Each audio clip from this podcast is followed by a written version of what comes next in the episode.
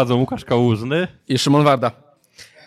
Dobrze, dzisiaj będzie live, tak, tak. naprawdę, trochę nas słychać. Znaczy, nagranie live z meetupu i nagrywamy odcinek na żywo na meetupie. Tak, więc w razie pogłosów wszystkich to kto był, ten wie. Trudno się mówi. Dobrze, Łukasz, link pierwszy, dajesz. Pierwszy link to e, z mojej strony e, sprawa GitHub Copilota. Szybko wypłynął pozew, nawet e, szybciej niż było to przewidziane i poleciał pozew, raczej teraz zbieranie ludzi do pozwu przeciwko GitHubowi za użycie i pogwałcenie licencji open source'owych i oskarżenie go teraz o to, pozwanie go w Stanach o to, że wykorzystują tak naprawdę do ML-a i do tak naprawdę AI-a wykorzystywany jest kod źródłowy z licencji, których nie powinien i powinien być znakowany. I to jest taka ciekawa rzecz, bo jak wcześniej wszystkie rzeczy, tak jak OpenAI, wszystkie te zabawki, nie były w żaden sposób pozywane, to po raz pierwszy pojawiła się sytuacja, że mm, rynek się o to upomniał. I to w przypadku kodu źródłowego. Ale to nie jest pierwsze, bo dokładnie taki sam case jest przy szkoleniu DALI i część właśnie stokowych e, stron już od razu wyszła z tą inicjatywą, że oni będą płacili autorom za, jeżeli ich zdjęcia ich sztuka będzie brana, brana przy uczeniu modeli. Więc tam już to jest rozwiązane i wydaje mi się, że to samo też pewnie będzie robione z GitHubem. Tak, jest tylko, wiesz co, jest, tak, jest dali. Teraz jest ciekawostka, która spina jeszcze większy problem, bo Microsoft dostaje po tym po dupie. No tak, bo Dali należy do OpenAI'a, E, GitHub tak samo należy do Microsoftu, czyli wszystko spina się gdzieś po drodze z Microsoftem. Może dali trochę nie tak, bo mm, e, Microsoft tam inwestuje i ma prawa na pewną komercyjną wyłączność do paru elementów. To bardziej chodziło o to, że e, strony, które publikują stokowe, publikują właśnie zdjęcia, będą oferowały i chcą oferować usługi, gdzie będziesz mógł wpisywać i autogenerować zawartość. I cały Microsoft polega się na, tym, na tej, tej zawartości, na podstawie czego to było generowane. I za to właśnie ma być płacone osobno. Więc tak naprawdę prawie identyczny case, jaki jest właśnie przy, yy, przy Copalocie. De facto, że generujesz jakiś kod, przydali je zdjęcie de facto, tylko właśnie twoją wartością jest ta baza, którą już masz. No i teraz jest ciekawe, bo Copilot bez kupy tego kodu, jeżeli to pójdzie, będzie bezwartościowy. Jak i inne narzędzia, jeżeli popatrzymy sobie ML-owe, które brały open source, bo jestem ciekaw, e, za ile zostanie, e, będzie przywałka na przykład do usług e, AWS-owych, do pull requestów, czy jeszcze iluś startupów, scale-upów, które też usługi AI-owe świadczą do PR-owania, rozszerzania na podstawie tego. Kto będzie następny i jak bardzo to ubije tak naprawdę, jeżeli popatrzycie, jak bardzo ubije to rynkowo e, wykorzystanie tego AI jako akceleratory? Nie ubije. To będzie kwestia innej licencji i po GitHub będzie płatny, wersja darmowa będzie za zgodą e, na wykorzystywanie kodów w AI. Po no, prostu. No, zobaczymy. Ja pół na pół zobaczymy, gdzie to pójdzie. Dobra, a z twojej strony? Z mojej strony ciekawy wpis. E, fajny opis od Honeycomb. Opublikowali, jak mają architekturę w AWS-ie. Jaki jest case ich? Narzędzie do observability, do raportowania po dużych zbiorach. I co mnie tam ucieszyło, to jest taki trochę wniosek, że architektury mają taką, że normalnie wszystko leci na EC2, e czy normalnie na maszynach wirtualnych, ale zapytania, które mają być szybkie albo które są nad wyrost, czyli tą taką górkę, sobie adresują przez lambdę. I te parę rzeczy, które tam pokazało, że jest to sensowne. Po pierwsze, średni czas startu lambdy, wykonywania lambdy około 50 milisekund, to jest krótko, to jest bardzo, bardzo krótko. Inna opcja, która tam im wyszła, to jest to, że yy, piszą wprost. Lambda jest 3 do 4 razy bardziej kosztowna, jest droższa, bez dwóch zdań. Ale do małych użyć i takich górek adresowania, takich adresowania pików, im się dalej dużo bardziej opłaca. I dla mnie to jest pokazanie jednego. Powoli już chyba upadł ten cały kościół serverless, że robimy wszystko w serverlessie, musi być serverless i absolutnie nic innego, tylko zostało się kolejne narzędzie, które wykorzystujemy w sensownych architekturach, a nie dogmatycznie. I to mnie bardzo cieszy, tak naprawdę. Co, patrząc jeszcze, to tak jak w tym e, wpisie Hej, e, e, Hej i Basecampu, że schodzimy z AWS-a. Że tak. my mamy stałe obciążenie, które znamy i taniej nam jest zatrudnić kolejnych obsów i utrzymać za tą cenę rachunku. O wiele taniej jest nam utrzymać on-prem i go skalować u jakiegoś dostawcy blach, niż bawić się w serverless. Tak. Przykładowo, tak. bo na stałe się zupełnie nie opłaca, a nie mamy takiego skalowania. Ale mam jeszcze drugi link. ciekawsze. HashiCorp, tak przy okazji tam grzebiąc o, co opublikowali, ale HashiCorp ma swoją chmurę, to cię ucieszy w ogóle. Ma swoją chmurę, e, na której jest między innymi Terraform Cloud. I Terraform Cloud w wersji Team and Governance kosztuje 20 dolarów za użytkownika miesięcznie. I taka moja mała refleksja, że w tym momencie oni podali de facto koszt utrzymania Terraforma u siebie. Mimo, że jestem wielkim fanem Terraforma, ale de facto 20 dolarów miesięcznie za użytkownika to jest dużo. Licencja Dockera którą muszę mieć firmę pewnego rozmiaru, to jest 8 dolarów za użytkownika yy, miesięcznie. 20. To będzie, będzie już 20, bo. Będą podnosili. Tak, będą podnosili. Mówisz teraz o biznes, ja mówię o team. To, to, to, samo porównanie de facto. Tak, ale jeżeli masz 100 licencji, teraz przy dużej organizacji, która płaci, yy, nawet jak masz tą team, to będziesz musiał przejść na biznes powyżej 100. Yy, będą zmieniali, ale, ale, tak. ale dalej. 20 dolarów za użytkownika za to, żeby odpalać Terraforma, to jest dużo. Mimo, że Terraforma uwielbiam, ale to pokazuje bardzo mocno jeden fakt. Utrzymanie Terraforma, żeby go zrobić dobrze, żeby go odpalać dobrze, jest drogie. Znaczy, że jest droższe niż to, co podali na stronie, tak naprawdę. Bo no, ten pricing musi być opłacalny. Znaczy... I to jest koszt wykorzystania niektórych narzędzi open source'owych.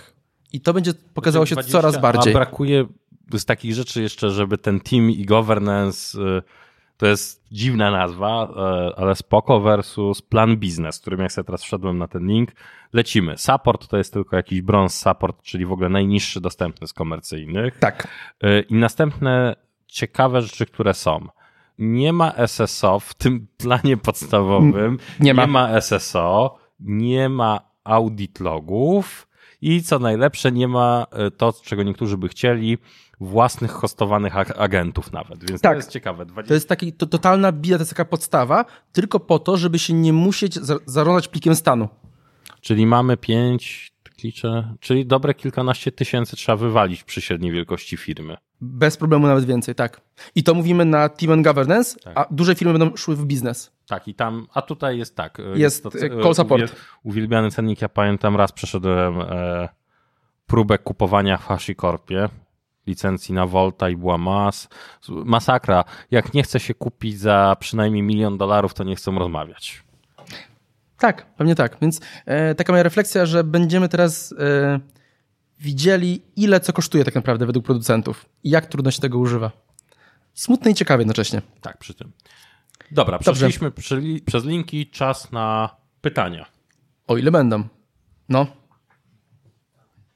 Jak już byliśmy przy Terraformie, to może, może zostańmy jeszcze na chwilkę przy nim. Taka refleksja, czy, czy też trochę pytanie, jakie korzyści, nie?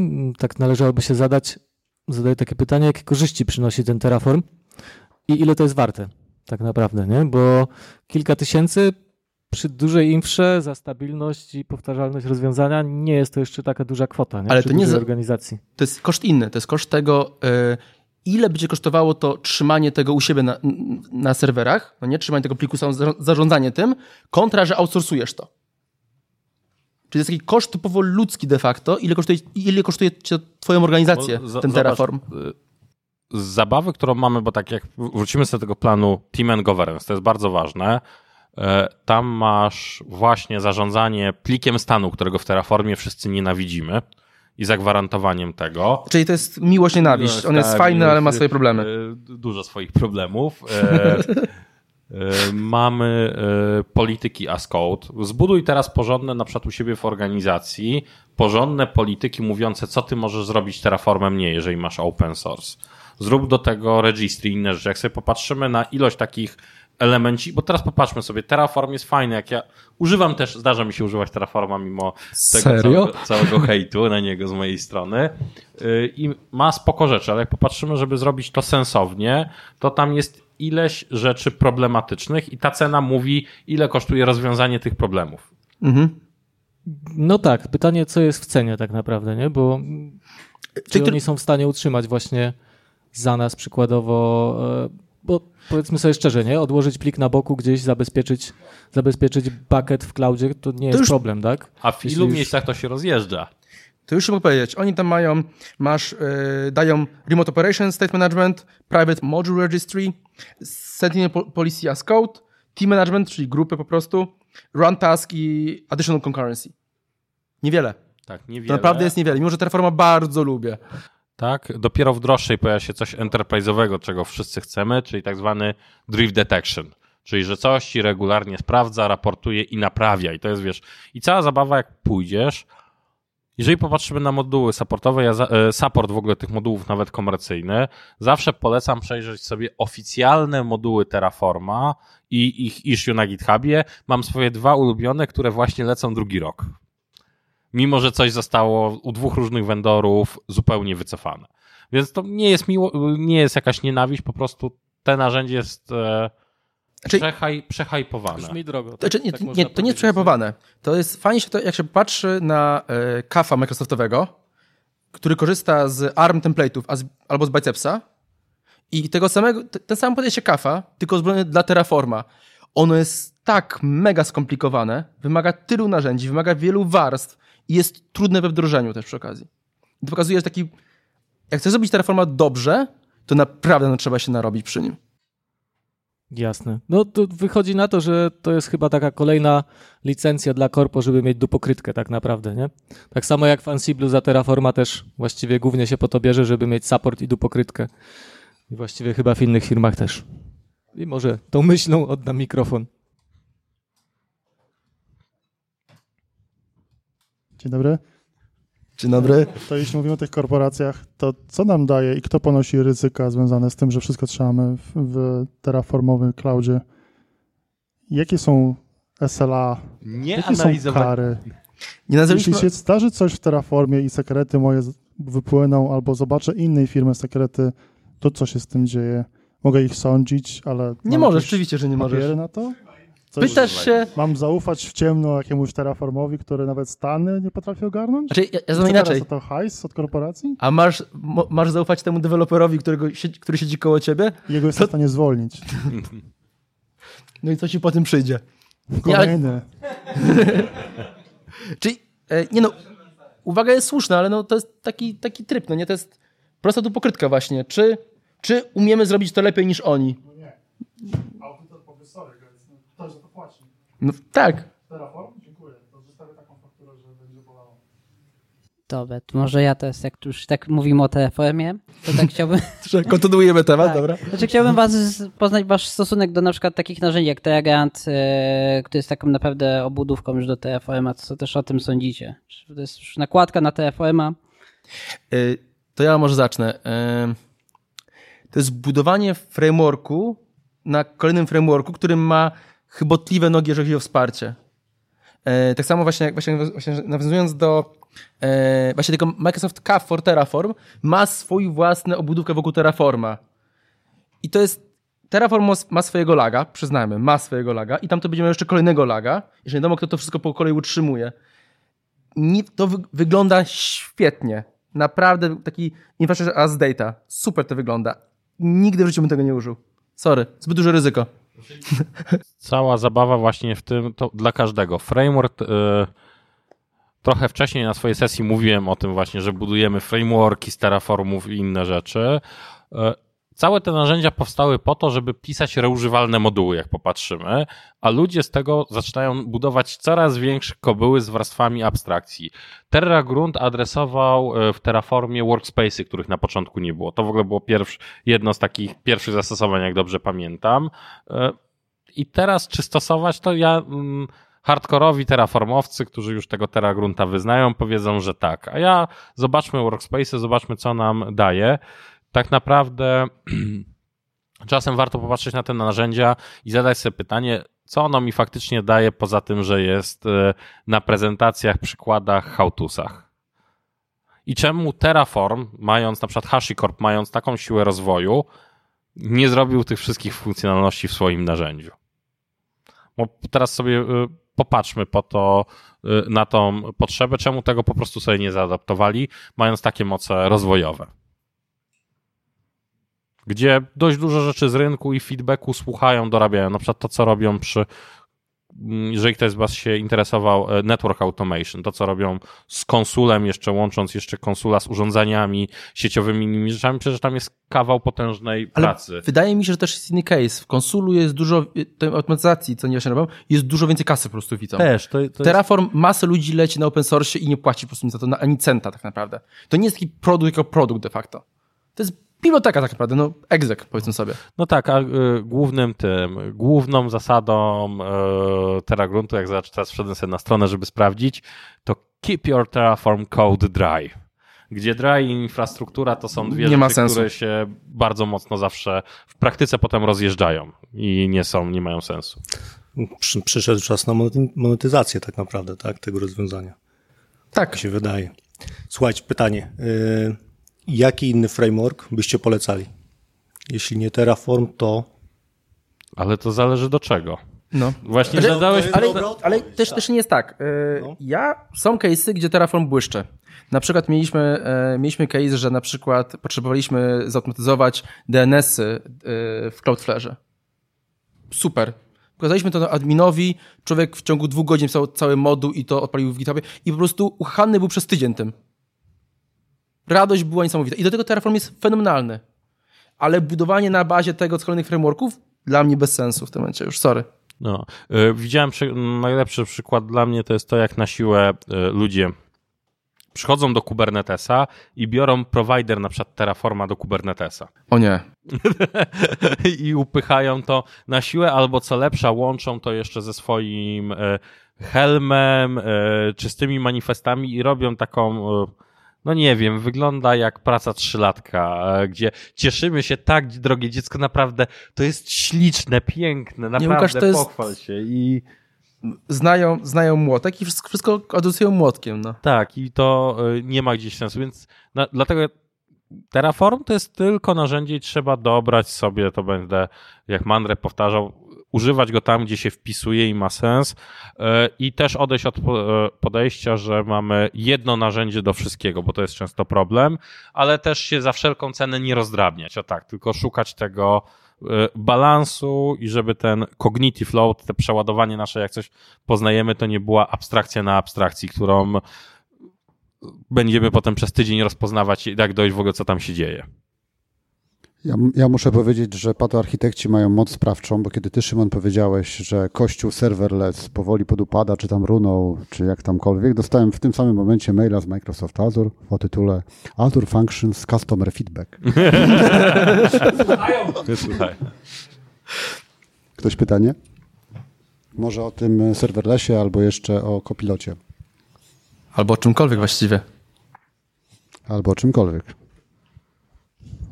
Żeby tak szybko nie kończyć, nie? That's E, what she said.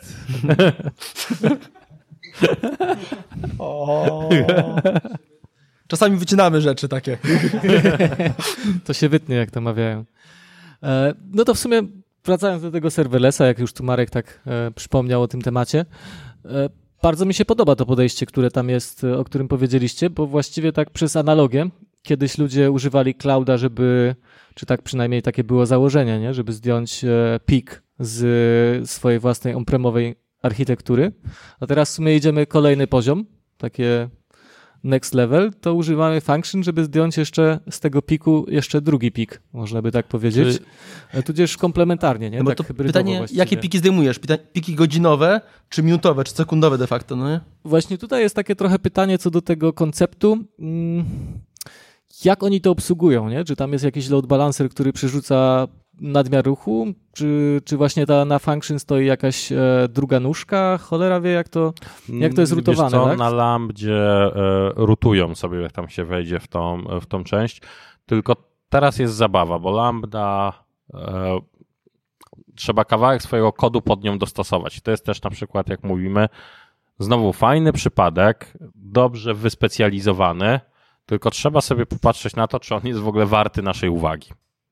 Bo pisanie, dedykowanie pod takie rozwiązanie i pilnowanie takiej konfiguracji to też jest. e, Zobaczmy, że oni mają zupełnie inną usługę. Nie jest to typowa usługa, której się e, każdy z nas na co dzień buduje, tylko Znaczy- wyspecjalizowane rozwiązanie. To jest inny, znaczy to jest takie nie do końca, bo mają- właśnie mają taki jeżeli masz dobry model odczytowy, bo oni czytają de facto są z bloba po prostu, jeżeli masz dobry odczytowy, to czy, czytasz to powiedzmy, oni budują, czytają dane i budują z tego raport jakiś tam, no, czyli robią jakieś agregacje de facto. To de facto oni mają, mają prosty case, bo nie robią jakiejś tam relacji, nie mają jakiejś tam sobie logiki biznesowej, tylko po prostu czytają i po prostu agregują, potem możesz to odpalić wszędzie niemalże tak naprawdę. Więc mają prosty model odczytowy, żeby tej lambdzie dużo nie liczyć tak naprawdę, żeby daj, powiesz mi, korzystają z tego de facto jak, jak interfejsu HTTP do swoich blobów. No tym bardziej, że to dobrze brzmi, jak na przykład swego czasu Cloudflare wydał taką swoją lambdę w Edge'u, nie? Tak, dokładnie. I to Ten można podpiąć pod CD, na storage'a i tak dalej w Edge'u. I to Tak. jeszcze idzie w ogóle bez tych serverlessów, praktycznie bez To e, też serwer cloudless tylko on troszkę, the edge. tylko inny, tak. Dobra. Bo tu w sumie są dwa właśnie ciekawe zagadnienia, nie? Jedno, jak to przerzucić ten pik ruchu, żeby to jakiś sens miało, a drugie to właśnie to, co powiedziałeś, tak? Czy, czy każdą, no właściwie już powiedzieliśmy sobie, że nie każdą da się aplikację tak przerobić, e, bo prawda jest taka, że rzeczywiście może taniej po prostu dołożyć jeden węzeł Nie, w raczej- autoskalowaniu i parę replik więcej. To jest w IT. Dać zawsze się da. Czy jest sens to przerobić? Nie, nie ma sensu. To jest taki shiny stuff, ale nie, nie ma samych sensu. O, wszyscy się na mnie patrzą. E, wiecie co, z mojego punktu widzenia, akurat to, co ja lubię w serverlessie i tak faktycznie Azure Functions czy tam Lambdas, to jest to, że jak ma przykładowo swoją firmę, to bardzo dużo rzeczy jesteś w stanie zrobić, e, jakby to powiedzieć, e, bardzo dużo manualnych rzeczy, które wykonujesz raz w miesiącu, czy tam raz w tygodniu, zautomatyzować.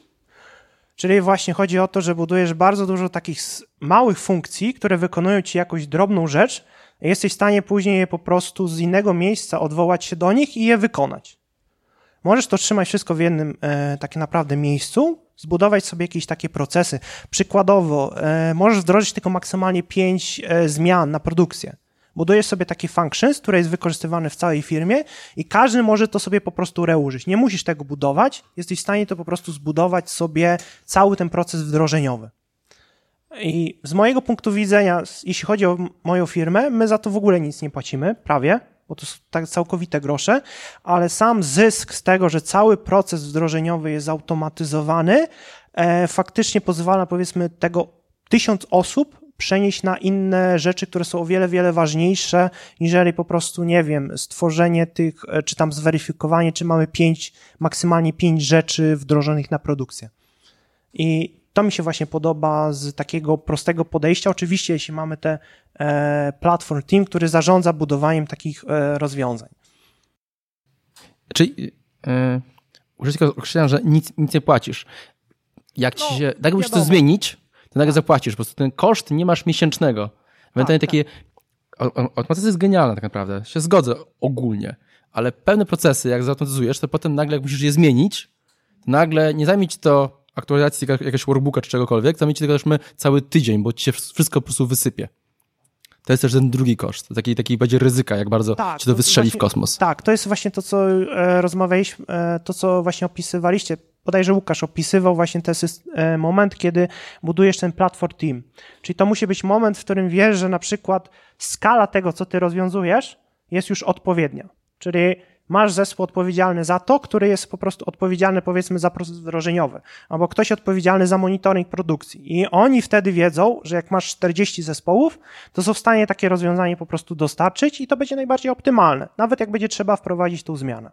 Tak. Dobra, ja wykopałem sobie transkrypcję z drugiego nagrania, drugi odcinek Pata Architektów, O Boże. to, bo tam był serverless i była taka jedna dobra myśl. Faktycznie było, no. Były, no było parę dobrych myśli w tym, jak wykopałem, ale tak na szybko. Mm, To, co powiedziałeś, to jest pogodzenie się z czymś, czego management nienawidzi, który zainwestował w SAPa i Oracle i którego kocha, czyli słowo vendor lock. Bo taki kod, o którym mówisz o rozwiązaniu, to jest takie dość mocne, jak sobie pójdziemy, budujemy taką, bo serverless jest z założenia takim klejem chmury jak sobie popatrzymy, razem w połączeniu z jakimiś logic appami, durable functions, step functions, yy, czy w- nie pamiętam jak się to badziewie w Google nazywało. Yy, Cloud Functions. Nie, nie, nie, był jeszcze workflow manager. Jak? Nie, to nie, mówię o odpowiedniku logic appsów, czy step A, okej, functions. myślałem, że mówisz funkcjach. Dobra. Dobra, jest taka zabawka i to jest właśnie pogodzenie się, że z vendor lockiem, że to jest bardzo mocno zamknięta platforma, co niektórym to nie odpowiada bardzo mentalnie, że jest to e, zamknięta platforma. E, Jedno, jeden taki ciekawy problem, jak tego dużo tworzymy w taki sposób, że niby reużywamy, ja zawsze z tym widzę problem, kto będzie to sprzątał i upgrade'ował. Bo to jest zabawa bardzo fajnie, jak mówimy o integrowaniu i robieniu tego, ale potem, y, jak zaczynam tego narastać, kto będzie dbał o ten kod i y, całe tutaj y, zabawy do całości. To jest w ogóle cie, cie, ciekawa rzecz, że to jest świetny model, tylko jak o niego zadbać, żeby on potem żył, bo to się będzie starzało jeszcze lepiej niż monolity. I, I taka dyskusja chyba też, jak ten serverless gdzieś tam się pojawiał, nie wiem, 2017 rok powiedzmy, takie pierwsze uderzenie hypu, e, to też tak zaczęły podnosić się głosy, że owszem, do takiego klejenia, jak to się mówi, różnych funkcjonalności owszem, ale jeżeli wszyscy zaczęli cisnąć po prostu mikroserwisy, nanoserwisy, e, wywoływanie się wzajemne tych funkcji, to konia z rzędem temu, kto to ogarnie i opanuje, co tam się dzieje, synchronizuje stany e, i tak dalej, i tak dalej, bo to, to nie jest takie proste. Jakby. No, Dobra, ktoś tam. to lecimy ostatnie pytanie. To ja połączę większość tych wątków, które się dzisiaj pojawiły w pytaniu. Hmm. Pytanie brzmi, jakie jest wasze zdanie na ten temat? Żeby nie było, żeby nie zniknęło w wywodzie, który zaraz się pojawi. Postaram się go skrócić jak najbardziej to tylko możliwe. Z rzeczy, które się y, pojawiły w waszym, w waszych ustach, w waszym wywodzie, to jest serverless, który jest orkiestrowany w taki sposób, że odciąża maszyny wirtualne. W Cloudflarze, który w swojej ofercie ma serverlessa, odpowiednik functions, jakkolwiek by się nie nazywał. Pojawił się Kubernetes, e, który oczywiście, jak wszyscy zgromadzeni na sali wiedzą, rozwiązuje wszystkie nasze problemy w życiu, a szczególnie problemy naszych klientów, przynajmniej do, do momentu, jak nie wdrożą. Pojawił się Terraform, e, który jak wszyscy wiemy jest interoperacyjny. Jak raz napiszemy kod dla jednej platformy, to on magicznie zadziała dla wszystkich innych platform. Bez zmian. Wróżki to zrobią Tak, e, dokładnie. za klienta.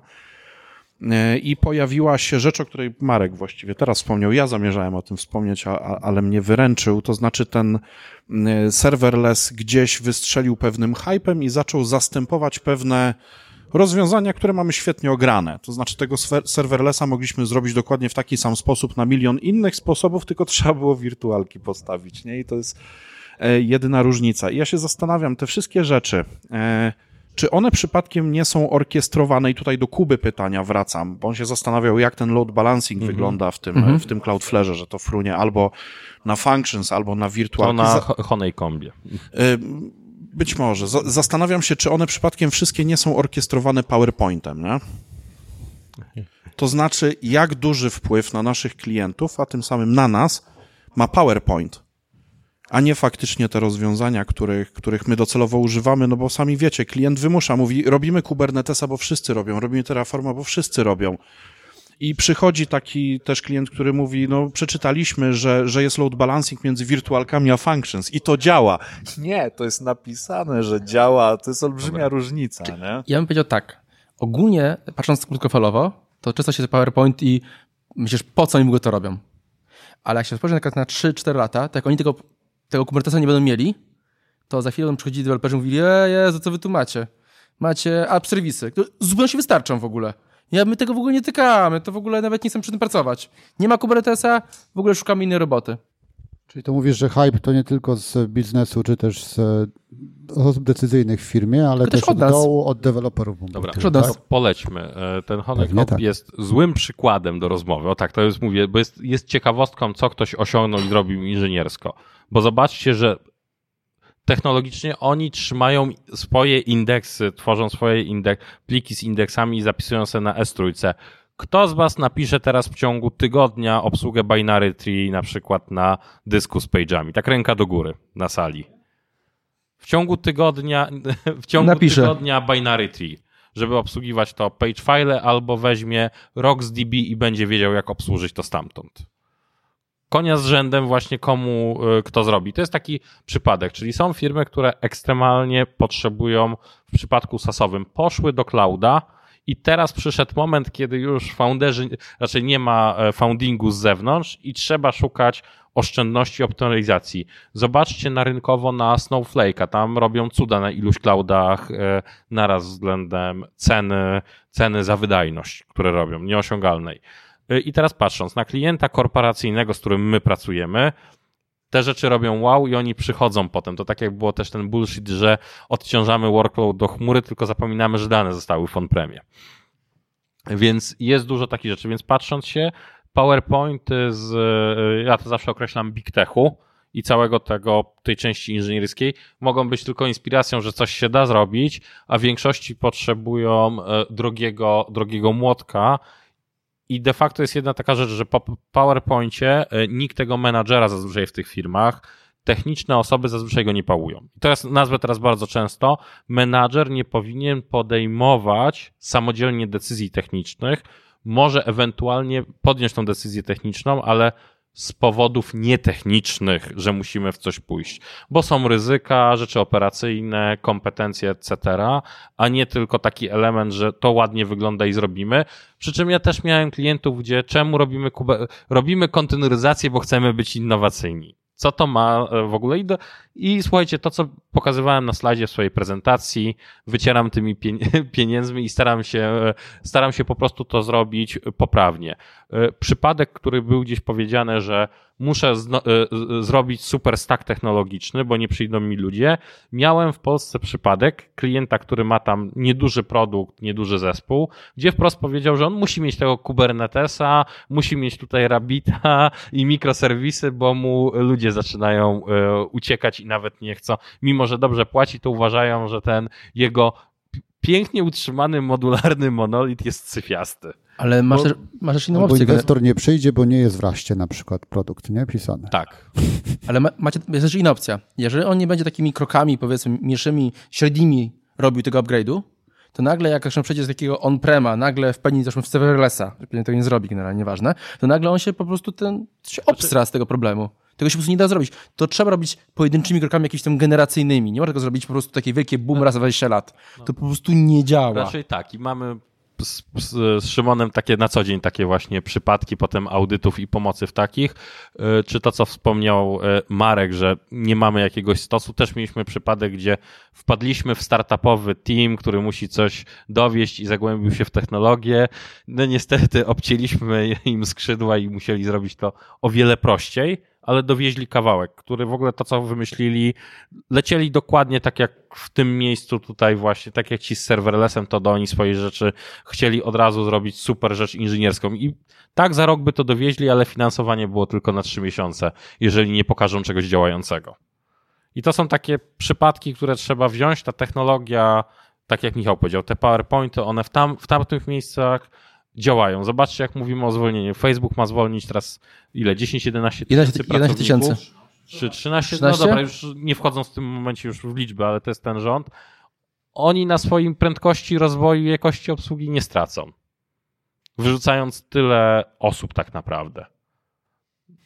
Czy wiesz, to będzie dużo ludzi też o, o moderowania zawartości, więc zobaczymy tak, po różnych to, wynikach wyborów na, na świecie. Inżynierskie, tak, zobaczymy jak tam engineering inne rzeczy, ale to też, żeby sobie e, zrobić przykład, czy tak jak są budowane te, gdzie mamy, niektórzy na sali mają znajomych, którzy pracują na przykład w Google w Warszawie i tworzą te, te części od GCP na przykład i to naprawdę są ludzie, którzy wymiatają i są w stanie e, przepraszam, że to powiem, ale ode mnie też e, zastąpią e, z pięciu, dziesięciu, ten mit pięcio-dziesięciokrotnego dewelopera jest u nich prawdziwy, jak oni siadają i klepią i oni solidem, niekiedy o DDD w ogóle nawet nie słyszeli, że istnieje, jak piszą soft i są w stanie coś dowieść, więc trzeba sobie powiedzieć, że to są różne, różne światy.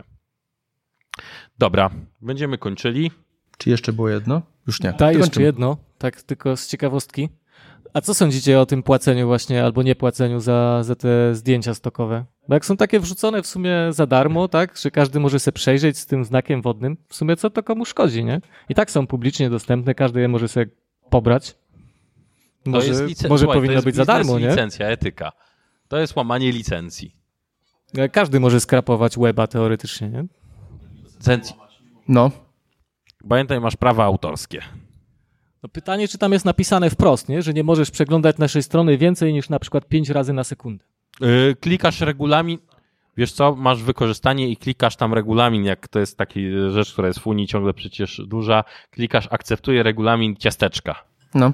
Jeżeli nawiązujesz do tego case, właśnie, który mówi, właśnie ja mówiłem, to było to, że strony stokowe, one same stwierdziły, że dali jest fajny i one będą, of- teraz już będziesz na opcję, szukasz, szukasz, nie wiem, tam zdjęcia kot na, na wielorybie, no to że okej, nie ma nic u nas, ale może sobie wygenerujesz to i po prostu ci wygenerują zdjęcie z dali i teraz, ponieważ to zdjęcie było wygenerowane na bazie tam bazy, którą mieli innych autorów, tak jest, okej, no to w razie odpalamy wam, tak jak Spotify, centy de facto, bo stwierdzamy, że musimy mieć dali, bo inaczej nas konkurencja wygryzie. No to nie jest tak, że ktoś jest inny. Oni powiedzieli, że oni jako oni. Więc to jest ten sam case, co ma GitHub. Oni są właścicielem tego kodu de facto, bo u nich jest to hostowane i oni wypuścili Copilota, GitHub, a tamci mają, o, biorą model DALI, go uczą na swoich zdjęciach i oferują ci, że nie znalazłeś, wygenerujemy ci je. Bo to jest w sumie ciekawe, nie? Tak naprawdę tutaj może w przyszłości NFT tak naprawdę wejdzie, czy jakieś inne kontrakty, E, no bo jak dać ludziom pieniądze, rozproszonym autorom z możliwie różnych platform na różnych, różnych przestrzeniach, nie? Tak naprawdę. NFT by się tutaj w sumie sprawdził. Nie, nie, nie, w, nie, nie, nie, W temacie tego kopilota to jakby warto poprawić, że gener- tak to się oficjalnie nazywa, że generuje się kod, natomiast przykłady, które w tym pozwie się pojawiają, to jest nie przegenerowany, tylko posklejany tak, tak. naprawdę tak. kod Czyli to nie jest linijka stąd, linijka stamtąd, tylko całe ściany kodu stąd i stamtąd. Tak, poprzerabiane. Poprzerabiane delikatnie i tutaj tą atrybucję moim zdaniem łatwiej będzie Raczej jest, znaleźć, jest już pomysł, tak? żeby włączyć atrybucję, no ale zobaczymy. Znaczy, tak. Wydaje... Bo to dym. On się nie nauczył, on przekopiowuje fragmenty kodu. Czy wydaje mi się też, że to jest kwestia, to jest dość wczesny, wczesny model de facto. To będzie, to będzie ewoluowało, będzie teraz, teraz ciężko tą atrybucję zrobić. Ale będzie generowało się. Znaczy, branża muzyczna to już zrobiła na, na poziomie samplingu, na poziomie tekstu i tak dalej. Oni to garnęli.